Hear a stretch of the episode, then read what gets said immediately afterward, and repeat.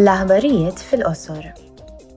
Illum il-Kumitat ta' Inkjesta biex jinvestiga l-użu tal-Pegasus u ta' software ta' spjunaġġ għas-sorveljanza ekwivalenti se jkollu seduta ta' smigħ dwar l-użu ta' software ta' spjunaġġ minn atturi privati.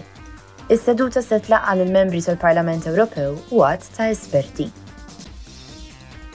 Illum ukoll Fabio Panetta, membru tal-Bord Eżekuttiv tal-Bank Ċentrali Ewropew u Kap tat-Task Force dwar il-Munita Diġitali tal-Bank Ċentrali, se jinforma lill-membri tal-Parlament Ewropew tal-Kumitat għall-Affarijiet Ekonomiċi u Monetarji dwar il-progress li sar fuq l-euro diġitali.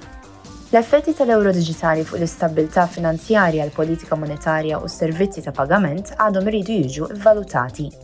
Aspetti importanti oħra bħal privatezza, il-ġlida kontra l-ħasil tal-flus u l-ġidda kontra l-evażjoni tat-taxxa iridu jitqisu wkoll.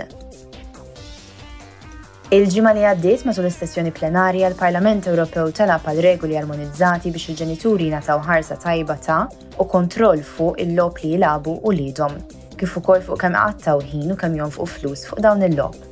Skont il-Membri tal-Parlament Ewropew dawk li jilagħbu jridu jkunu protetti aħjar minn prattiċi manipulattivi u mill-vizzji. Il-logħob tat-tfal irid iqis l-età tagħhom, id-drittijiet u l-vulnerabbiltajiet tagħhom.